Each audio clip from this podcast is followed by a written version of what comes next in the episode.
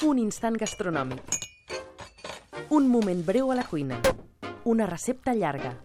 Benvinguts un dia més a la cuina del cap de setmana a Ràdio 4. Entreu i trieu la vostra taula perquè l'Art i Tec està a punt de començar a servir una setmana més. Tots els dissabtes cuinem a verb lent tot un menú sencer. àcids i dolços a la vegada, eh? ¿Quiere un poco más? Esto tiene un sabor horrible. Sería un éxito en mi restaurante de comida sana. Más para el señor Monroe. Art i Teca, amb Andreu Vinyes i Isma Prados. Tots els dissabtes de 12 a 1 del migdia, un programa de ràdio per menjar-se'l. Som traficants de somnis. Badacina. Un espai on encara es pot somiar. Connecta't al cinema cada diumenge de 2 a 3 de la tarda. Directe al cor del cinema. Badacina a Ràdio 4.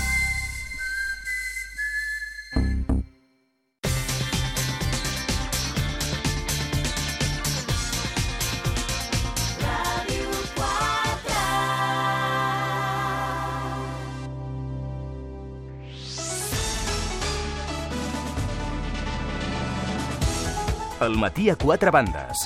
Amb Toni Marín.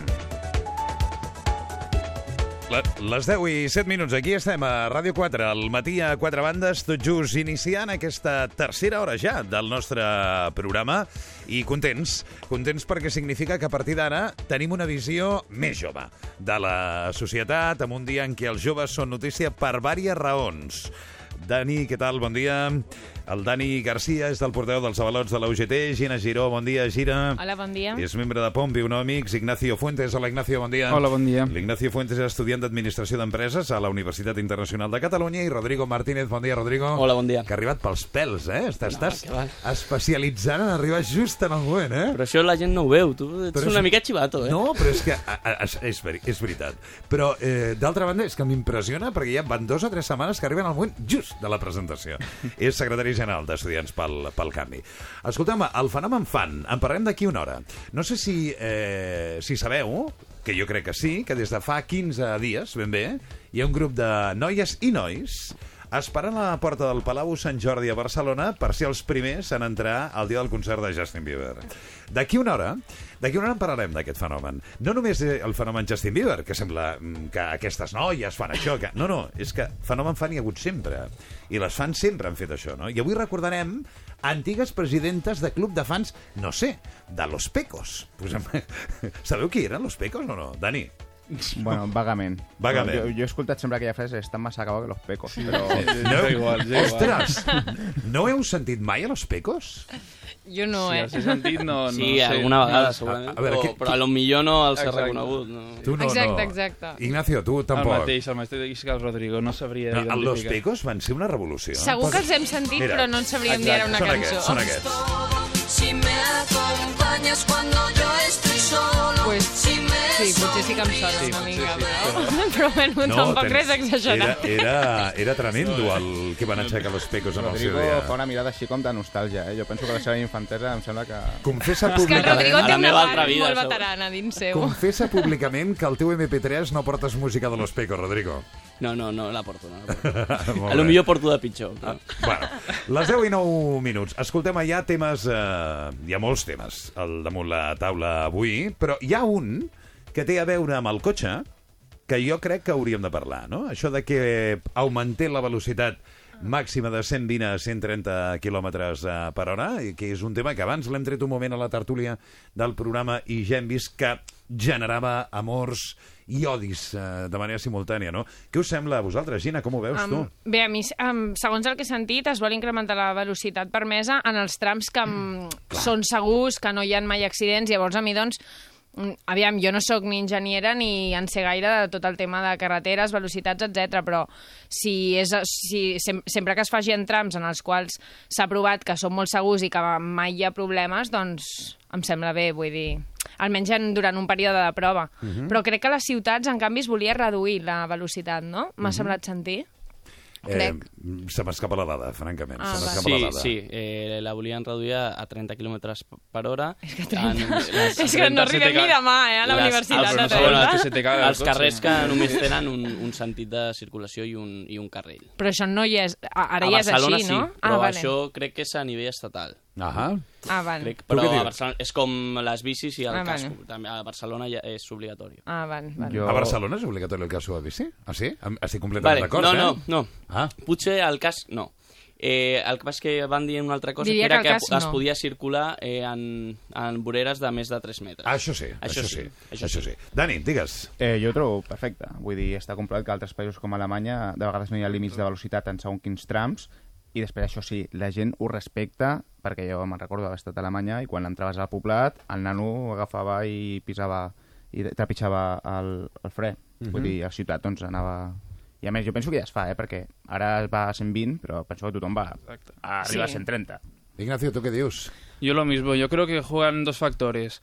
El estado de las carreteras, que evidentemente en Alemania deben ser mejores y también No, se pueden son permitir. igual, ¿eh? ¿Sí? No, no et lo creguis, es- que aquí en el y tema una- infraestructura y algunas hem autopistas alema- eh? ale- de Alemania yo creo que algunas sí que son mejores. Aquí tenemos algunos tramos que puedes ir a 120 que... Home, sí, tenim la Nacional 2, aquesta, que no Sí, que no sí. es farà, Exacto. vull dir, sí, evidentment Y tenim después aparte la responsabilidad de cada conductor, que evidentemente pues no sé los alemanes, pero imagino que a lo mejor un poco más responsables, o sea, me parece que son que nosotros. Nosotros al volante somos como un poco como, No, como los italianos. No somos, somos tan, no, Sí, no, no som somos tan, un poco no som ni tan irresponsables, creo. ni ells són tan bons. Eh? Yo Exacto. creo, yo creo que nosotros nos ponen el 120 y todos, con eso de que el radar te da Margen. pues un margen, todos apuramos el margen. Vamos, yo el primero, ¿eh? O sea A, que- a mí me preocupan más otros. Me preocupan no tanto los que apuran el margen, sinó los que frenen en el último momento. Ja. Aquesta gent sí. Sí. que em preocupa, no? Perquè ho veus, Sí. ho, ho veus... eh, Conducció que, que, temerària. Clar, que en el, eh, hi ha molta gent que va allò a una Sí, velocitat sí, sí, que sí. evidentment està molt per sobre de la Bon so- permesa i f- com saben on està el radar,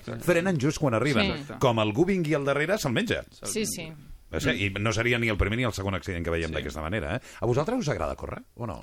Bueno, Ignacio, tu sí, pel que acabes de Sí, dir, no? els cars, eh, la velocitat m'agrada, els cotxes m'encanten, o sigui, sóc fan del, del món del motor. Sí? Sí, sí, sí. I tu, Rodrigo, què? Si no es pot córrer. No? Jo no t'he preguntat si es pot. Si m'agrada anar a 120, sí. Va, està molt bé, està molt bé. Digues, Dani, tu en, què dius? En control, sí. O sigui, jo haig de tenir... La, no dir la seguretat, però allò de tenir el control de la situació. Si veig que no tinc el control, no, no m'agrada córrer. I tu què dius? Uh, bé, jo ara estic en el moment, com punt d'inflexió, en el qual comença ja a fer uns quants mesos que condueixo de manera regular, llavors ja és com que estic agafant confiança i cada vegada m'agrada córrer més. Fa poc, no?, Però- que tens el carnet de conduir. Um, Me'l vaig treure fa un any, però que condueixo agafant el cotxe gairebé cada dia des de l'octubre. Llavors Ah. ara ja és com que em sento molt més segura que abans i cada vegada m'agrada córrer més, sobretot doncs això, quan estàs en autopista però encara no he arribat al punt de passar-me de la velocitat ni res d'això, i espero no fer-ho, perquè m'agrada anar ràpid, però sempre dins del marc legal, no? Bé. jo estudio dret i s'han de respectar les No se t'ha lleis. caigut mai la Sí, moltes vegades sí, però no ho he fet aposta, com Se't- molta gent. A tu Eh? se't cau la L, Dani? Mai, ja fa temps que no, però la L, normalment, eh, vull dir, quan ets novell, no pots passar d'una certa velocitat. I allò que, doncs, 80. cau... 80, no? 80 el Ah, primer doncs any. Abans, sí com a mínim, passo, era eh? 80 el primer any i el segon any era 90, ara no ho sé. I, Ara, Ara és un any tret. 80. Sí, és que ara ho han No, no, tret, ho han eh? tret, ho han tret. Ara ho han tret Sí? perquè jo Sí, no ho sí. respecto, això, Però eh, ho han que- tret. a No vegades tiene ningún cau. sentido, si te lo has sacado, te lo has sacado. Entonces... Ah, però vull dir, Clar, no, però com que ¿Qué pasa, al principi vas amb menys seguretat... Sí, pero entonces, ¿qué pasa? Que cuando tienes un año y una semana, y has ganado toda la experiencia que no tenías Bueno, antes. és per posar límit en Estas algun cosas lloc. yo las encuentro. Si te has sacado el carnet, eh, ya está, se Ya has hecho suficientes pruebas, suficientes No, paripés no, però és ahí. veritat que l'experiència compta. Ara no es pot, no es pot Està comparar claro. com em sento jo ara quan condueixo a com em Pero sentia también te voy a fa decir 5 una mesos. cosa. Hay mucha gente que con 40 años, yo creo que son más peligrosos al volante que chavales de 22, 25 años que se lo acaban de sacar. ¿Por qué?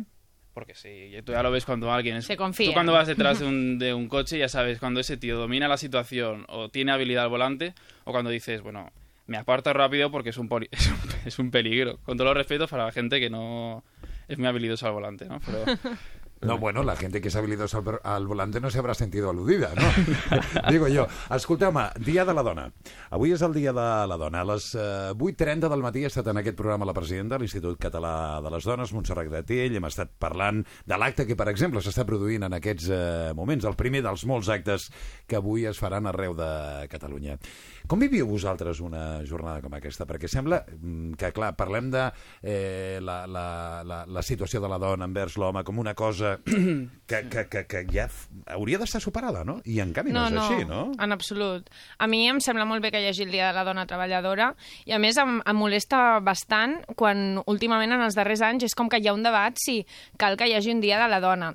Tam no és cap caprici, és a dir, um, que, que existeix encara una discriminació en molts àmbits, és la- evident. Tu la notes, Gina, alguna vegada? Jo sí, que la, jo sí que la noto, i a part, eh, per exemple, sense anar més lluny, ahir a classe d'econometria a la universitat estàvem llegint uns estudis sobre com, el, mm, si féssim equacions del salari, doncs la variable bellesa, per exemple, té un efecte molt fort en el- a l'hora de determinar el salari de les dones i en canvi té un efecte nul, és a dir, és totalment indiferent, és una variable irrellevant a l'hora de determinar el sala- el salari dels homes. Sí, si una Quan- dona és més guapa, cobra si una més. Dona, si una dona és més guapa, cobra més, o també a la inversa. Si una dona, per exemple, pateix obesitat, cobra molt menys, mantenint totes les altres variables constants. I, en canvi, això amb un home no passa. Dani, el sindicat ho teniu controlat, això? Perquè aquest aspecte de l'estètica a l'hora de, de, de, de determinar el sou d'una persona? Doncs sí, malauradament és així, perquè jo me'n recordo quan es va fer aquell allò que es deia el comando precario, no sé si Ahà. se'n recordeu, aquella campanya que va fer la Balot,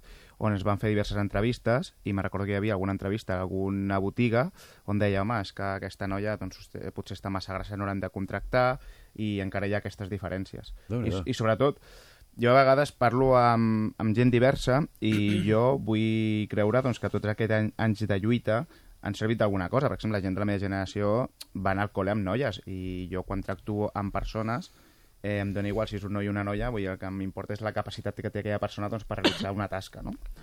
Però es veu que no és així. Es veu que una dona encara continua cobrant menys per fer la mateixa feina que potser fa un home i després doncs, tota la particularitat que té una cosa que es diu rellotge biològic i la capacitat que tenen les dones de poder ser mares i aquestes diferències que hi ha doncs, al món laboral a l'hora de contractar una dona o un home perquè aquella dona es pot quedar embarassada. Què diu Rodrigo? Eh, a veure... Quin tema aquest, eh? Eh? Que quin tema sí, aquest, no, eh? no, és, és molt complicat i, i a més jo no sóc dona i em costa molt parlar d'això, la veritat. Eh, però bueno, no, m'agrada també escoltar, escoltar moltes opinions. Eh, a veure, jo crec, jo crec que estem, potser estem cometent un error que, que és eh, anar a la igualtat eh, legislant. Jo crec que no és una qüestió de legislació, és una qüestió potser d'educació. Clar, però per això també cal, per exemple, un Però dia espera, dona Gina, espera, espera, Perdó. espera que acabi l'argument Perdó, perdó. i després No, no. el que vulguis. No, no, és, a, a veure, el que tu dius, no? això de, de, de l'aspecte físic de, de la dona que influeix tant en, en el seu sou. Clar, això és, és un problema de molts anys, que no, no solucionaràs eh, fent una llei obligant a les empreses a contractar això, això, això, això. Llavors, eh, és una cosa que hem d'anar, eh, que es solucionarà, suposo que amb molt de temps, però sobretot amb, amb educació. Jo crec que, que és la base. Potser, potser és, és falta temps, vull dir, serà una qüestió de temps, no? Perquè si a la, universitat cada cop hi ha més dones que homes, tècnicament, en un futur... De, de no... fet, crec que hi ha més dones Sí, que sí, hi ha més dones que homes. En un futur no gaire Mhm. immediat, les cúpules directives han d'estar ocupades més per dones que per homes. O no, Depende. o no. No, no. No, no, dic no que, té res, dic ja, que, hauria, que que, no té res potser a hauria de ser, potser hauria de ser, vull dir, no sí, sé. però clar, a veure, pensem, pensem que una persona, o sigui, o sigui que una persona se sent realitza, realitzada si acaba en el Consell Administratiu d'una empresa. Això no és veritat, i no és veritat ni, ni per no un home que se ni per realitzada, dona. estic parlant doncs, que potser té més capacitat aquella persona que està més formada, independentment de si és un home o una dona, i estem demostrant que hi ha més dones al món Sí, universitari. sí, sí, bueno, Sí, jo, però també jo el s'educa- que dic és, és que podrà fer el que vulgui. Tant... Li toca la Gina, pobreta, que També, abans... no, digues, no. digues. Eh, també està demostrat, també molts estudis ho demostren, que un dels motius que fa que hi hagi més dones en el món universitari que homes és perquè a, a les dones els hi surt molt més a compte el que és el títol universitari. Ja. És a dir, l'efecte dins del mercat laboral de tenir títol universitari a, a, la, a les dones és un efecte molt més elevat que els homes i això també en part és un reflex de la discriminació. Sabeu en què estic pensant? M'acaba de venir al cap. Ignacio, si vols dir alguna cosa i després No, yo el que... creo que no, lo único, el caso de los salarios es súper paradigmático porque siempre ha habido mucha diferencia entre hombres y mujeres. Se va reduciendo mucho la Sí. diferencia, la verdad. Eh, también es verdad que, por ejemplo, esto depende de la cultura del país. Nosotros venimos de una cultura ultramachista, ultramachista donde el hombre lo abarcaba, sí, venimos de una cultura ultramachista y esto la tendencia cuesta mucho. Una cultura que no es democrática, pues tiende a ser machista. Ah, y entonces, perdona una cosa, yo también que, yo estoy de acuerdo en que vía legislación tampoco tenemos que forzar las cosas. Yo creo que la gente, y lo decía yo en un tuit, que siempre cada año lo digo por en esa fecha, la gente está en los cargos por su valía, no tiene que estar por su sexo. Es un peligro una sociedad que fuerza las cosas vía legislación y forzando no se consigue la igualdad. O sea, tú no implantas en la sociedad la, la mentalidad de decir que la mujer está igual, es igual al hombre, que lo es, evidentemente, en dignidad y en derechos, como no podía ser de otra manera, vía legislación diciendo tú eres igual. Yo, por ejemplo, en el caso de los partidos políticos, que por, eh, por la ley de la paridad encuentro una aberración, cada cinco puestos tiene que haber un 60%, mínimo un 60%, un 40% de uno de los dos sexos, es decir, que como mínimo tiene que haber dos mujeres o dos hombres, eso es una aberración. Entonces, ¿qué pasa? Que si, por ejemplo, en ese partido hay cinco, cinco hombres o cinco mujeres muy válidos, ya pueden estar doctorados por Harvard, Yale, Stanford, lo que les dé la gana. Que hay dos personas que van a pasar por encima solo por razón de sexo. Eso es una aberración, pero en cualquier, yo creo, en cualquier sociedad democrática. Además, es más, yo creo que esto no hace ningún bien a la mujer. Mhm. eh, Dani, què dius? Doncs que si el mercat es regulés com s'hauria de regular, potser sí que aquesta llei estaria bé, però està comprovat doncs, que de vegades sí que s'han de posar aquestes petites quotes per poder donar visibilitat a aquests col·lectius que històricament han estat, han estat més És que, desafavorits. clar, és que hi ha dues bandes, perquè jo com a dona no m'agrada veure, i t'ho dic com a dona, Sí, no sí, m'agrada sí, sí, veure no. com una persona que és dona i que potser no té la suficient valia o no s'ho ha currat prou per estar a un lloc de treball determinat, doncs no m'agrada que estigui allà doncs, per ser dona, perquè com a dona em fastidia, perquè és com una discriminació positiva que tampoc em sembla bé. Però també és cert que si no es fessin unes mínimes ajudes en Ja, tema està clar. legislatiu, Está claro. potser no avançaríem i no s'implantaria aquesta nova mentalitat a la societat. I d'altra banda, ja per acabar, això que deia el Rodrigo de l'educació, estic plenament d'acord, és el més important, molt més que legislar a cop de decret llei, i per això crec que també tenir un dia de la dona treballadora és important, perquè es fan actes, es fan xerrades, llavors, vulguis sí, o no, no, no. s'implanta la nova mentalitat. No penseu que, de tota manera, eh, jo que també tinc els meus dubtes eh, sobre el tema de- d'aquestes eh, lleis, però no penseu que d'alguna manera una cosa va lligada amb l'altra? És a dir, l'exemple eh, que és la política a l'hora de visualitzar la normalitat amb la que es pot funcionar en un país en el que, per exemple, eh, tenim una Soraya Sáez de Santa Maria o tenim una Núria de Gispert o tenim una Joana Ortega o ten... enteneu, el fet de que eh, estiguin allà fa veure com a normal aquesta història, no? Jo tinc la sensació, tinc la sensació, eh? no, no, no sé si esteu d'acord claro. amb mi, eh, perdona'm no. només un segon, de que el, eh, el problema segurament gira en que com eh, eh, nosaltres veiem tota aquesta situació com la veiem, no? amb absoluta normalitat, amb... però eh, hi han mil exemples a la nostra societat que revelen que hi ha molts tios, mireu com ho dic, molts tios que no veuen a la dona com un igual, com un igual, o amb el mateix respecte. Uh -huh. eh, aquí tenim les, eh, les històries eh, doncs, que cada X temps hem de parlar, de dones mortes en mans del seu marit perquè era suya, de eh, quantitat, la quantitat de senyors... Avui parlàvem del tema dels contractes a mitja jornada. Qui copa els contractes a mitja jornada? Clarament les dones, perquè s'entén sí. que les coses de casa, per molta gent de la vostra edat, eh, no de la meva, de la vostra edat, continuen sent eh, cosa de dones. El coexistir aquestes dues maneres tan diferents d'enfocar el tema probablement calgui el estar recordant contínuament tota Sí. una sèrie de coses que probablement per vosaltres ja estan assumides, però hi ha molta altra No, però gent no que, per, no que per no, tothom, no? en No, absolut. I jo crec que també una cosa molt important que hem de fer les dones... O sigui, hem de deixar de pensar que la responsabilitat la tenen els governants en matèria educativa o legislativa. És a dir, crec que nosaltres, com a dones, ens hem de posar les piles i donar un cop sobre la taula i fer coses. És a dir, jo hi ha un munt de vegades que quan estic en alguna reunió, estic fent qualsevol cosa, estic envoltada d'homes. I dic, per què no hi ha més noies aquí? Per què no hi ha més noies que agafen i munten una, una empresa, una organització juvenil, un blog, el que sigui? Per què no hi ha més dones que agafen i ho fan? Per què no ens ho creiem, que som capaços de fer coses, igual que els homes?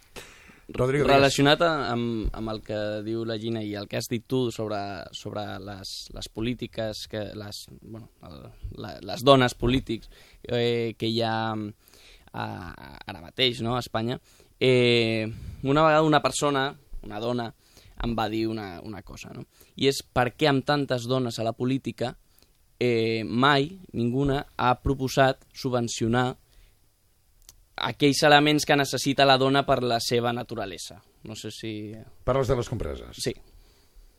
Què et costa dir la paraula compresa? No, és que estava pensant, no, no, és que estava pensant en una altra, eh, però com era una marca eh, no me'n Ah, recordava. No. D'acord, cap problema. Doncs sí. per per, què, això- per què, mira, és una cosa, per què no subvencionen, subvencionen? Per què no hi ha ajuts públics Ajudes per comprar... per comprar, exacte. Bueno, Exacte. Bueno, no ho sé si és aquest el eh, tema, però mira... Bueno, no, és, senyora però és, No, perdoneu. és una perdoneu. cosa que necessiten les dones. Clar, cadascú... Clar. Que, I que, co- compte, una de les principals dificultats de governar un país i de tenir a tothom content és que cadascú té els interessos que té a la vida. Jo no sé si vosaltres... Encara no. Encara no us ha tocat això. Però ja us tocarà ser el president d'una escala. Això és l'apassionant món de les escales de veïns, no? I veure com, en realitat, hi ha uns problemes per posar d'acord a 10 famílies que viuen en un edifici. Imagina això per eh, fer una façana. Imagina't si en realitat estem parlant de tot un país o de les polítiques encarades a solucionar qualsevol aspecte. No, això és complicadíssim, no? Sí, totalment, vull dir, mai plou a gust de tothom, no? I Exacte. sempre hi ha algú que et criticarà. Sabeu el que m'ha sorprès? Que era el que us anava a dir aquesta setmana. Eh, vaig a confessar públicament una cosa. Eh, sabeu quin llibre m'estic llegint? Tenia ganes. Tenia... El de les sombres sí, de Grey? Sí. No l'acabaré. També t'ho dic. No, l'acabaré. no t'està agradant? Gens. M'està semblant, m'està semblant un llibre dolent, ho dic tal qual, No m'esperava eh? menys de tu, eh? No, no, no, no, no, no, no, no, perdona, a mi, jo conec a molta gent que li agrada i jo respecto profundament, eh? A mi, Bé. jo respecto les persones que cadascú tinguin el seu gust i sí. lluny, i a més no m'agrada la gent que eh, fa postulacions públiques sobre el que està bé i el que està malament. Jo dic que a mi no m'agrada aquest llibre. No m'agrada per primer perquè el trobo una mica fotonovela, eh? I, i segon perquè intentava entendre què era el que tenia aquest llibre. I el que m'ha resultat curiós és que en realitat és un llibre on es reprodueix aquella història de tota la vida, de noia que es queda com empatitida davant un noi molt alt, molt guapo, eh, però que és qui talla el bacallà, no? Aquella, aquella eh, història, i en un dia com avui crec que és interessant parlar-ne, de la noia sotmesa al noi. M'ha cridat l'atenció que tingui un èxit com aquest, Dani.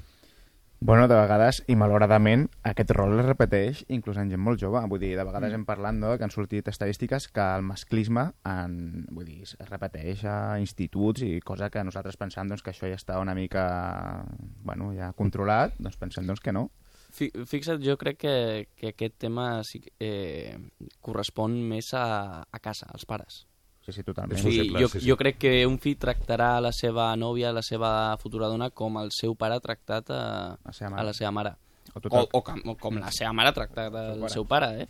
O sigui, jo crec que això sí. Eh, I els amics. Mhm. les, les amistats suposo que també també influeixen. Però que a Sí. l'escola això va... Vull dir, et poden donar un, una educació, però realment tots aquests factors més socials, realment tu d'alguna manera veuràs, faràs una mica el que has vist a casa, sí que és veritat, Mhm. jo penso totalment això. Bueno.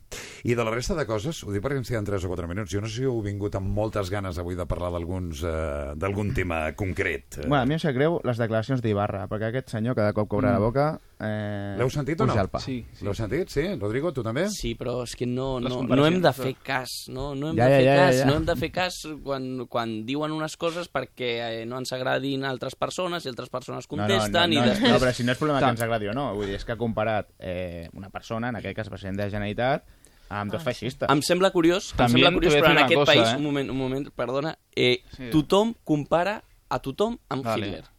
La dreta compara l'esquerra amb Hitler. Però això és incultura, eh? dreta- Perquè els hi Ah, sona sí, Hitler i sí. diuen, perdó, mira... perdó, perdó, perdó, un moment. És que aquí no parlem de dreta i esquerra. Aquí parlem d'un senyor que critica un altre.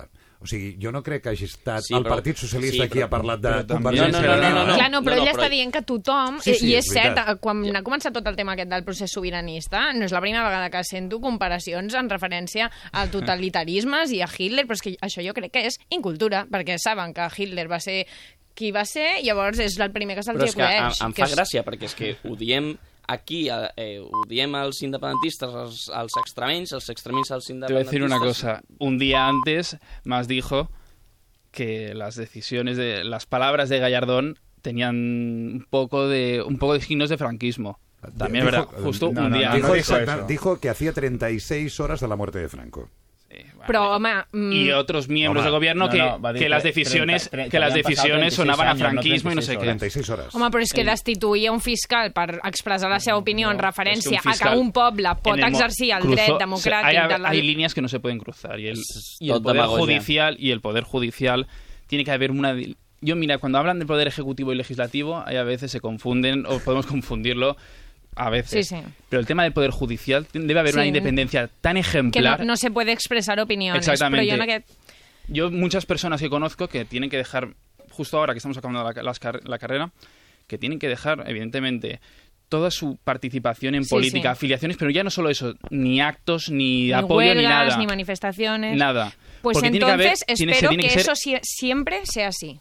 Por supuesto. Se exprese la opinión, que se exprese. Por supuesto. Eh, Rodrigo, saps una cosa? M'acaben de dir que les compreses tenen un IVA hiperelevat com de producte cosmètic. Doncs, Mira. doncs on, aquí tenen que entrar les, les nostres representants als, per, al Parlament, al Congrés... Comencem Jo una ho faré, campanya. jo ho faré. Comencem una campanya. Escoltem, avui, avui home, mm, jo no sé si us quedareu després de les 11. Sí que m'agradaria si us podeu quedar una estona, tot i que avui el tema de les 11 és fantàstic, eh? El fenomen fan. Avui anem a parlar del fenomen fan amb president... Mireu, tenim... Espera, que us ho vaig a dir que ho busco directament perquè val la pena. La presidenta del Club de Fans de Los Pecos.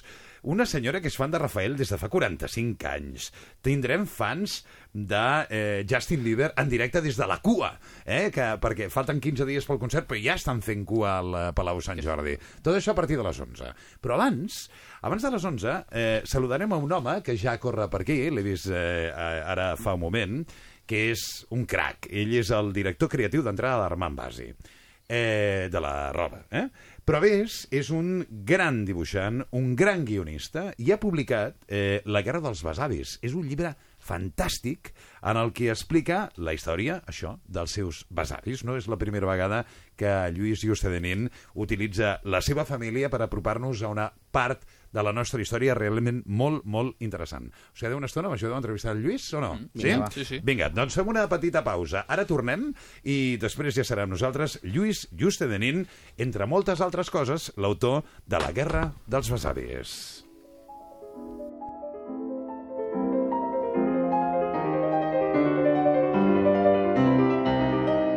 Mozart serà el protagonista del concert que la Mahler Chamber Orchestra oferirà a l'Auditori el 14 de març, dirigida per la pianista de culte japonesa Mitsuko Ushida.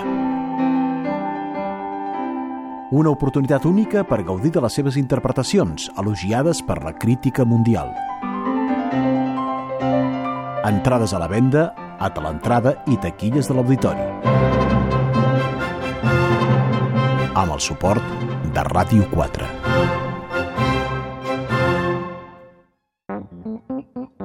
Cada migdia, a partir de les 12, entre hores. Perquè volem fer sentir la vostra veu. Perquè volem gaudir dels petits plaers quotidians. Perquè volem tenir cura dels que més ho necessiten. Perquè creiem en la ràdio pública. Cada migdia, a partir de les 12, entre hores, amb Paola Calieri i Rosa de Diego. A Ràdio 4. La ràdio en directe més propera a tu.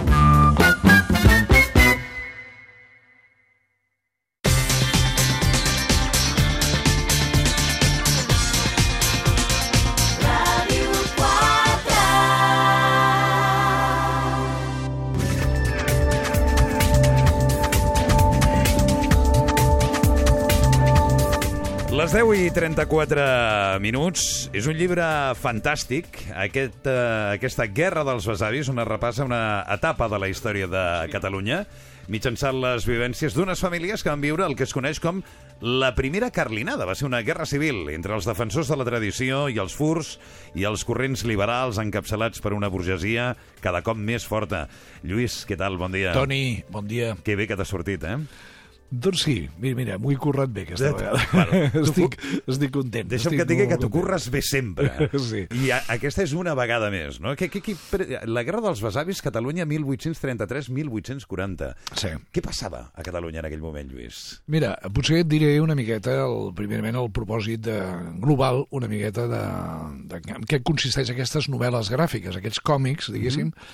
Que bastant gruixudets, com veus, eh? que gairebé trec cada any, no? Eh? Sí, és veritat. Aquest és el número 8 i el, que, el propòsit meu és molt clar, és explicar d'una manera molt més entenedora, molt més planera, molt més eh, simpàtica el que és la història i la història del nostre únic país, que és Catalunya. Clar. Llavors, el que eh, està absolutament clar és de que eh, quan parlem, per exemple, de guerra civil, i aquí vaig a la teva pregunta, tothom, tothom immediatament s'imagina la guerra civil del segle XX, la del 36-39, que dona la victòria al dictador Franco, i eh, pràcticament, vull dir, es queden aquí. O sigui, hi ha molta gent, evidentment, que sap que existien les guerres carlines, però hi ha molta gent que no, no està informat de què va passar eh, al segle XIX exactament. Perquè el segle XIX és com una mena de bruma, una bruma romàntica, així com si fos una pintura del Caspar Friedrich, no? una mica allò que es veu allò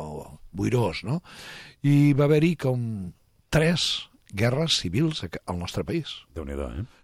si ho parlant de guerra civil, diguem guerres civils en plural, i aquesta perdó, aquesta guerra civil va ser molt bèstia. Totes les guerres són bèsties.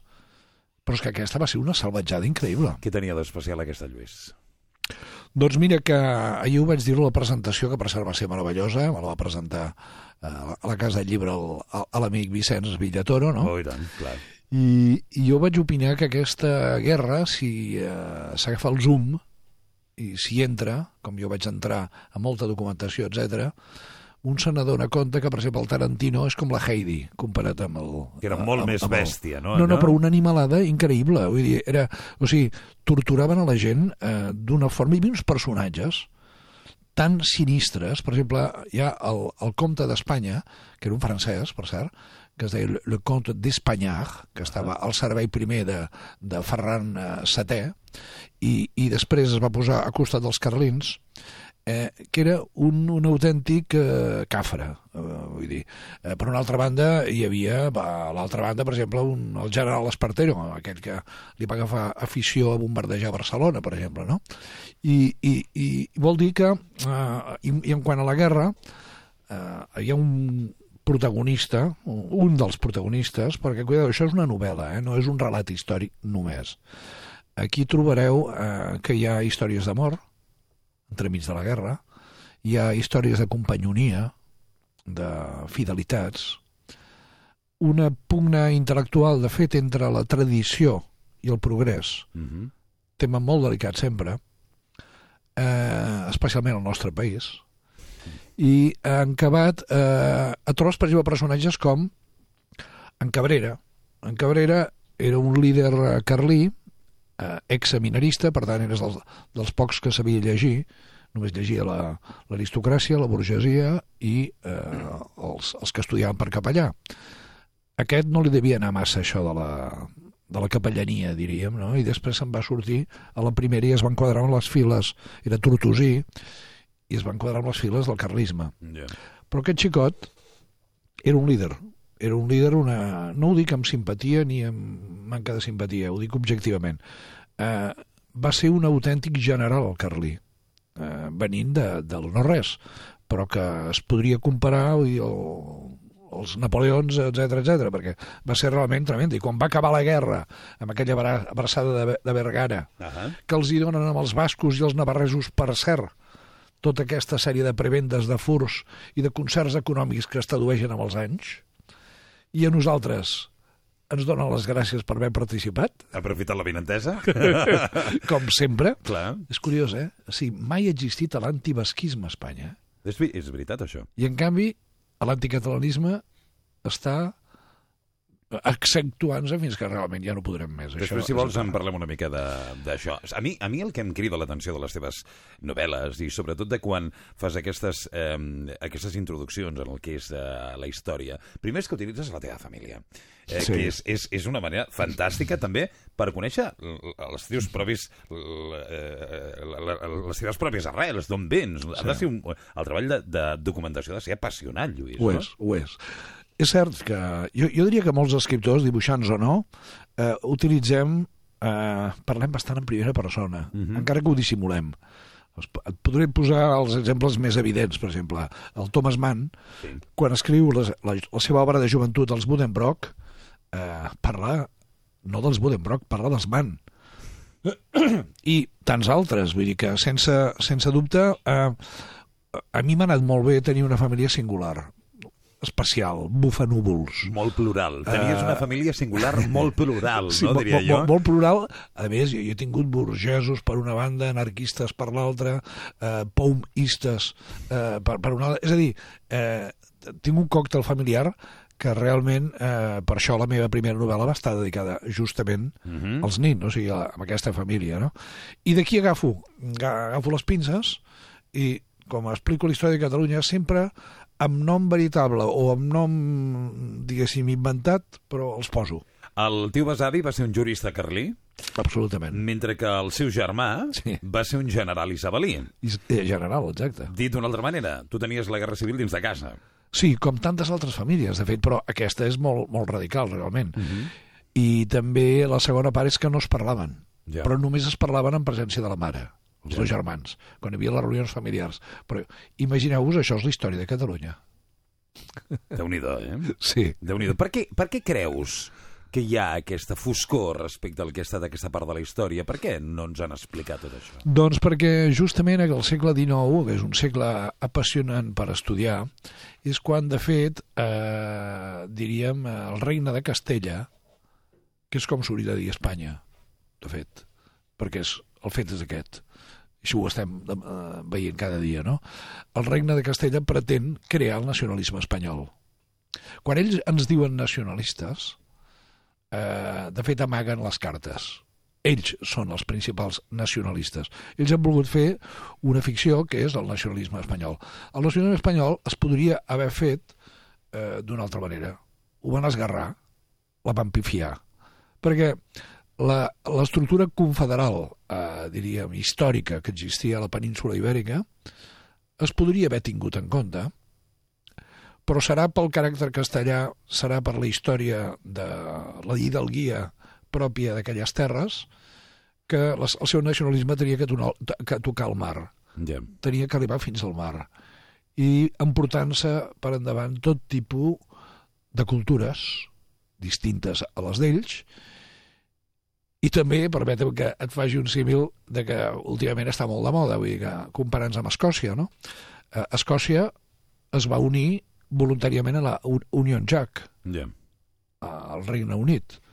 Aquí vam ser producte de, de conquesta, per tant, amics meus, des d'un aspecte personal, us haig de dir que som una colònia encara.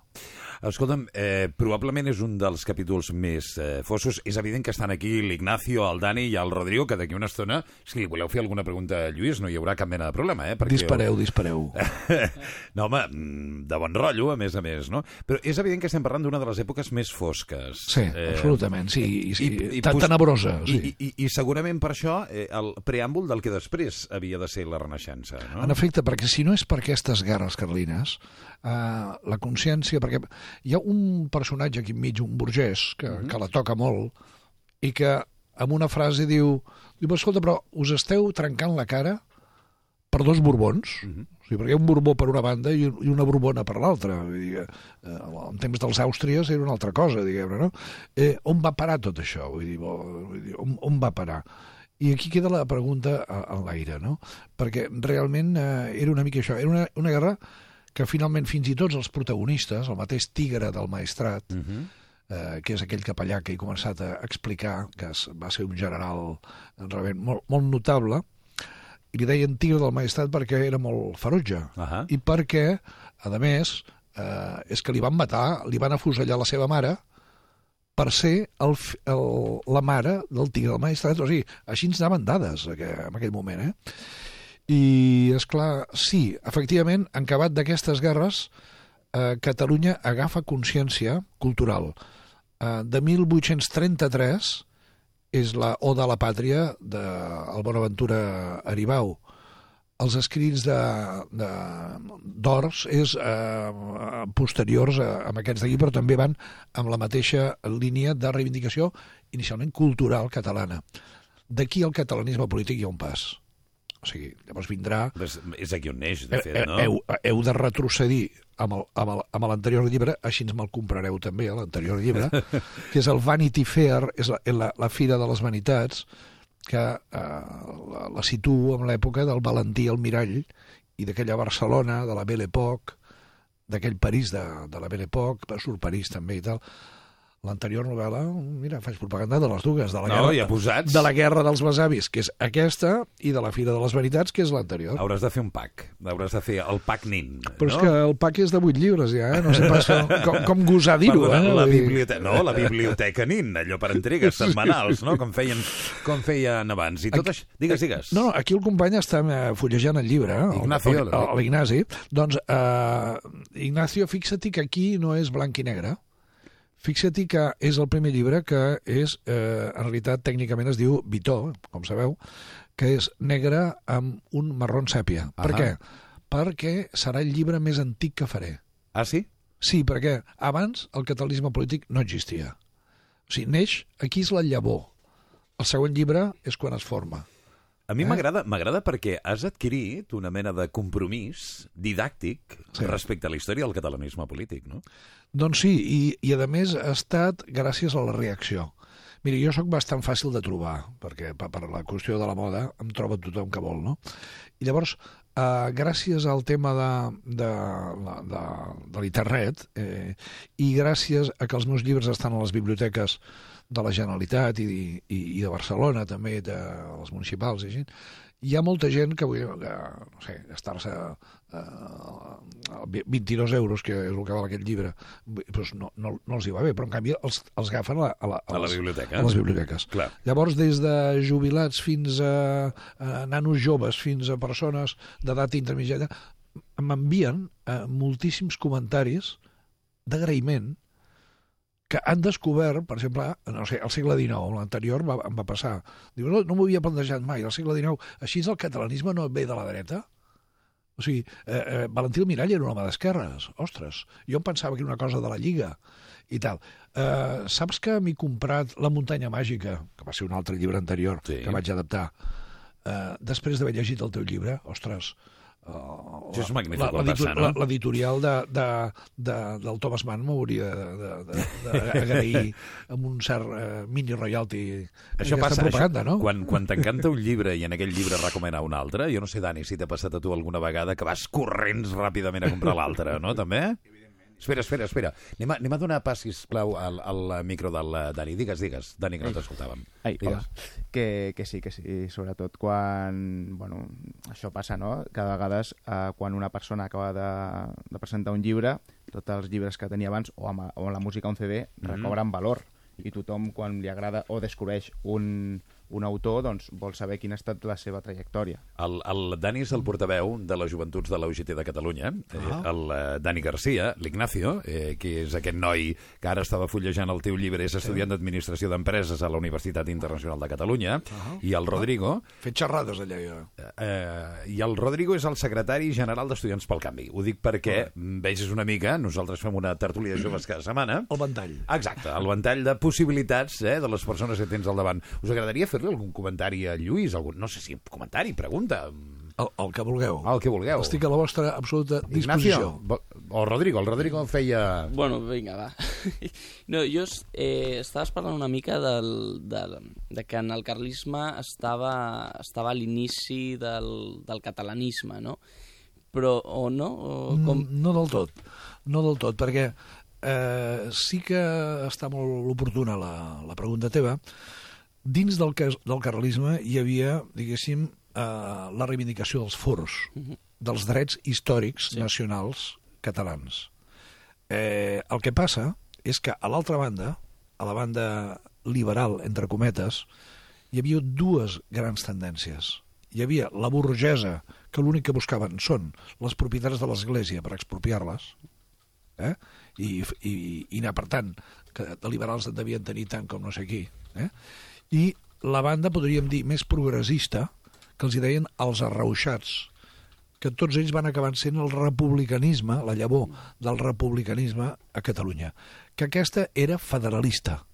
Aquí ja tenim ja un primer símptoma de que de desacord amb l'estructura centralista del regne de Castella. Bueno, una mica com la dels O sigui, la, carlistes. les dues bandes.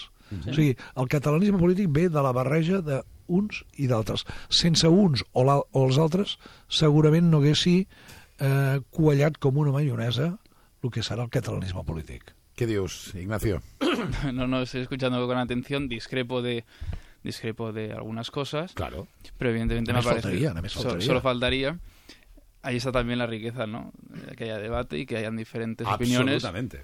Y nada, pues me estaba hojeando un poco el libro y la verdad, a mí también me gusta mucho dibujar y nada, pues me ha sorprendido, pues no sé, no me lo esperaba. no me lo Lluís esperaba Juste así. de Nin, per si no ho sabeu, us en recordeu? Clar, potser vosaltres éreu molt petits. La campanya de la Norma, us en recordeu? De la- de la, la Norma, La- no? La Norma, el català, la campanya de la, Norma, la no? norma, el català cosa de tots, que era una nena petita, que... això era l'any 82. L'any 82 Ah. vosaltres anàveu amb dodotis, no? Sí, O el, sigui que- el Dodotis, el 82, quina edat teníeu vosaltres? Al 82, yo estaba Tu pululando por el cielo. no havies nacido todavía, aquesta primera. Això ho hauríem de prohibir tu, per tu, tu, llei. tu eres un digne espermatozou. Sí, exactament, Havies nascut al 82, tu o no? No, no havia, 90, o nas... sigui que- no havia nascut, però algú m'havia parlat una vegada que havia fet una campanya. La d'això, Norma, una- vaja, va aquell, ser... aquell, aquell paio de la campanya, fixa't, era el Tisner, que era un que no sabeu potser qui és, un gran escriptor, un gran patriota, uh -huh. eh, Avalier Artigeni Tisner, Mhm. Sí, li, fal, li faltava un ull, li deien el pirata nacional de Catalunya perquè portava un, un, un, l'ull tapat i era un que va patir l'exili a Mèxic durant la, els, anys, els anys franquistes i tot això. i Hi havia una noia? La Norma? La norma. La Norma, es deia Norma? La, la, la norma, jo em vaig basar en un ser real, jo vaig dibuixar el ninot, però aquest ninot estava basat en una nena real que, que es diu Anna Solà. Escolta'm, la Norma està enfadada, no, últimament? Ara ha canviat de cara. Eh, ens Sí, perquè hem vist alguna cosa als diaris. ens, ens vam posar d'acord amb el conseller Mascarell Sí. i, i, i vam dir de que eh, ara, evidentment, no podia somriure com somreia. I eh, llavors la, la, la, la Yolanda, concretament, de, la, del Departament de Lingüística, el conseller i jo vam dir, escolta, no, em van proposar, mm, la fem enfadar? i la, la van fer enfadar. I posa, no ens toqueu el català. Això del no ens toqueu Ja, unes sí. següents lectures bastant interessants. Sí, no, no, es pot acabar de diferents maneres la Sí, frase. exemple. Escolta'm, eh, Lluís, l'altre dia veia una portada del diari ABC eh, que ha estat molt qüestionada, no? perquè es deia, comença a tenir eh, conseqüències, no? caen les eh, ventes del cava català. Bueno, era d'aquelles portades que un eh, es planteja si és el periodisme qui l'ha escrit o si Sí. obeeix altre tipus d'interessos. Sí. No? El fet que el teu nom, Lluís Juste de Nin, sigui un nom tan lligat, d'altra banda, a una firma comercial com és Armand Basi, i a la vegada et signifiquis com és el teu dret, eh? d'altra Sí, sí, banda, sí. acaba perjudicant d'alguna manera? No, o a veure, el, que, el primer que haig de dir que aquestes són les opinions d'en Juste de Nin, no d'Armand Basi. Ja, ja, no, clar. Armand Basi és una empresa que té accionistes i no tenim per què pensar idèntics els que som catalans, això sí, és el factor comú que tenim, i eh, penso que són bones persones tots. Això tu, sí. tu els coneixes a I tots. per- no, no, tots. I, i eh, diguéssim, podem tenir no, el qui parla i el qui signa els llibres, com veieu, no és, És altre que que, Lluís Juste de Just, de Nin, no? Sí, sí. Però em sembla que tu t'hi tallat, tu volies dir-me més, coses. No, no, no, no, no m'has tallat. Ah, no, Ja no, no, perdona, perdona. No, no, tranquil, tranquil. Justament el que has dit que no estava de, estaves d'acord amb alguna cosa és que a mi m'agrada tant la polèmica. Amb què no, està, amb què no Amb estàs d'acord, Ignacio? lo del dret de conquesta i aquestes coses, discrepo. Sí? Sí, jo crec que Catalunya mai ha estat conquerida per una altra part de, de, del regne d'Espanya en aquest cas, com pot ser Castella. És la meva opinió, no? No, no, jo te la respecto, però... El... És com, per, Sí, per sí, exemple, una, quan, quan ara que sempre està tan de moda 1714, Mm. eh, l'altre dia vaig, vaig llegir en una, una moció d'un grup polític eh, fortament independentista doncs que parlava d'això i se la van se la van, la van treure perquè podria, podria estar en contra de l'ordenament jurídic actual, perquè parlava de la conquesta. Catalunya mai ha estat conquerida per l'altra part de, de, del regne d'Espanya, en aquest cas Castella. Senzillament, doncs, en algunes guerres s'ha postulat a favor d'uns altres eh, candidats al tro d'Espanya. Aquesta és la meva opinió. Mira, per, per fer-ho telegràfic, eh? o sigui, eh, la meva resposta serà una de respecte, la segona serà de dir que sí que van canviar molt les coses amb la intervenció borbònica.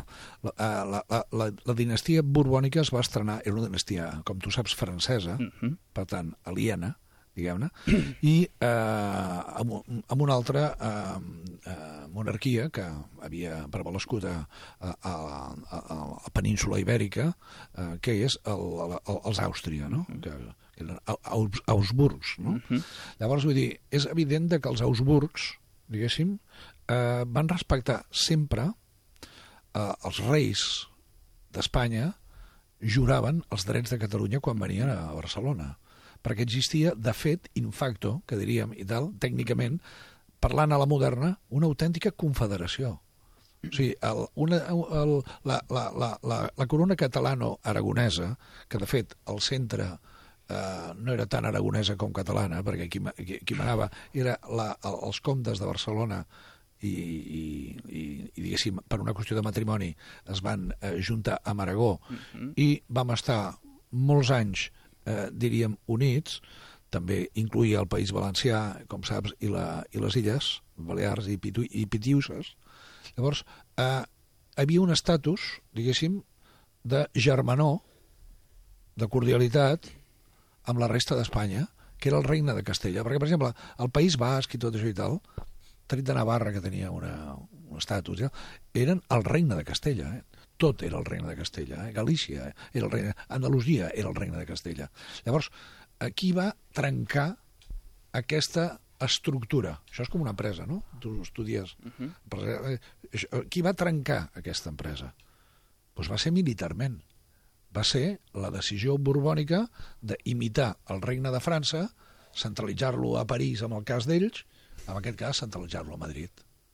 Punto pelota, que diria els d'allà. El Dani també volia dir alguna cosa. Jo crec que l'Ignacio no queda massa content amb la resposta del Lluís Juste de nit, eh? Vull dir les coses com siguin. Dani, Dani. Bueno, jo una, molt, mica, jo una mica, saltem una mica amb el temps. No sé, diuen que la història hauria de servir per no repetir els mateixos errors, no? Eh, Aquesta és bona. Vostè creu que podem cometre un altre cop el mateix error de la Guerra Civil? No, la de la Guerra Civil Bueno, la no. Guerra Civil, vull dir, a veure ara, vull dir, tal No, no, com estan les coses en la situació que tenim. No, diguéssim, el, el, el que tenim és un conflicte. Eh, No tenim, eh, tècnicament parlant, no tenim una guerra. O sigui, si de, si de guerra en vols dir conflicte, doncs tenim una guerra. Però, però, però XXI. un conflicte del segle XXI, com tants altres que hi han, al fin i al cap no, no. A la mateixa Europa existeixen varis conflictes. Flandes té un conflicte en aquest moment, a- amb Brussel·les. Eh? Per exemple, eh, di, di, diguéssim, Edimburg té un conflicte amb Londres en aquests moments. Diguéssim. Hi ha altres que han estat superats. O sigui, Txèquia i Eslovàquia es van posar d'acord amb cordialment separar-se. Però hi ha una cosa que per sobre us diré quin seria el meu ideal. Seria els Estats Units d'Europa. Aquesta, perquè posats a, ser idealista i veient tots els problemes que hi han, o sigui, com a ideal m'encantaria que hi sí, perquè Europa té el risc de quedar entre pinçat, o sigui, absolutament pinçat, entre dues grans, grandíssimes potències, o sigui, que és la de l'Orient, encapçalat per Xina, Xina. i Ah. els Estats Units d'Amèrica. I llavors Europa pot quedar com un part temàtic, allò com una gran Disneylàndia que amb unes quantes monarquies divertidíssimes, amb, amb, amb, una, amb tot arreu, perquè realment I amb una cada dia... població envellida, Ca, cada, no? cada, cada, una població envellida, amb uns, amb uns monuments i uns, unes catedrals i tal, eh, molt visitables. I, llavors, repetir-ho, no, no, o sigui, el cas de, a veure, el cas d'Espanya eh, s'haurà d'arreglar. No existeix eh, pràcticament el problema català, eh? Existeix el problema espanyol. És curiós perquè aquesta és la segona vegada que algú diu això mateix avui en aquest programa. Ah, sí? T'ho juro. Curiós, no- no sabia. curiós, realment curiós, realment curiós. Estem a un minut a les 11. Hem d'acabar. Això vol dir que has de tornar. No hem parlat ni una mica de, de la roba. És curiós, no? Però, però és, és la primera vegada, Toni, perquè sempre em parles de la roba. És que a mi m'agrada molt els teus sis anys. A més, és veritat que m'agrada molt els teus sis anys, és veritat.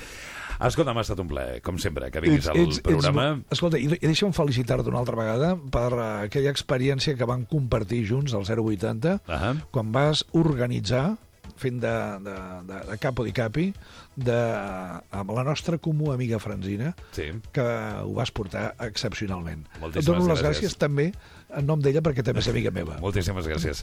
Lluís Juste Denin, director creatiu d'Armand Basi i autor de La guerra dels besavis Catalunya 1833-1840. Fins ben aviat, Lluís. Moltes gràcies a tots vosaltres. Us quedeu una estoneta més a parlar de fans o no? Jo no podré. El Rodrigo Jo sí se'n va, l'Ignasi es queda i el Dani es queda una miqueta. Val, doncs ara tornem, després de les notícies aquí a Ràdio 4. Fins ara mateix.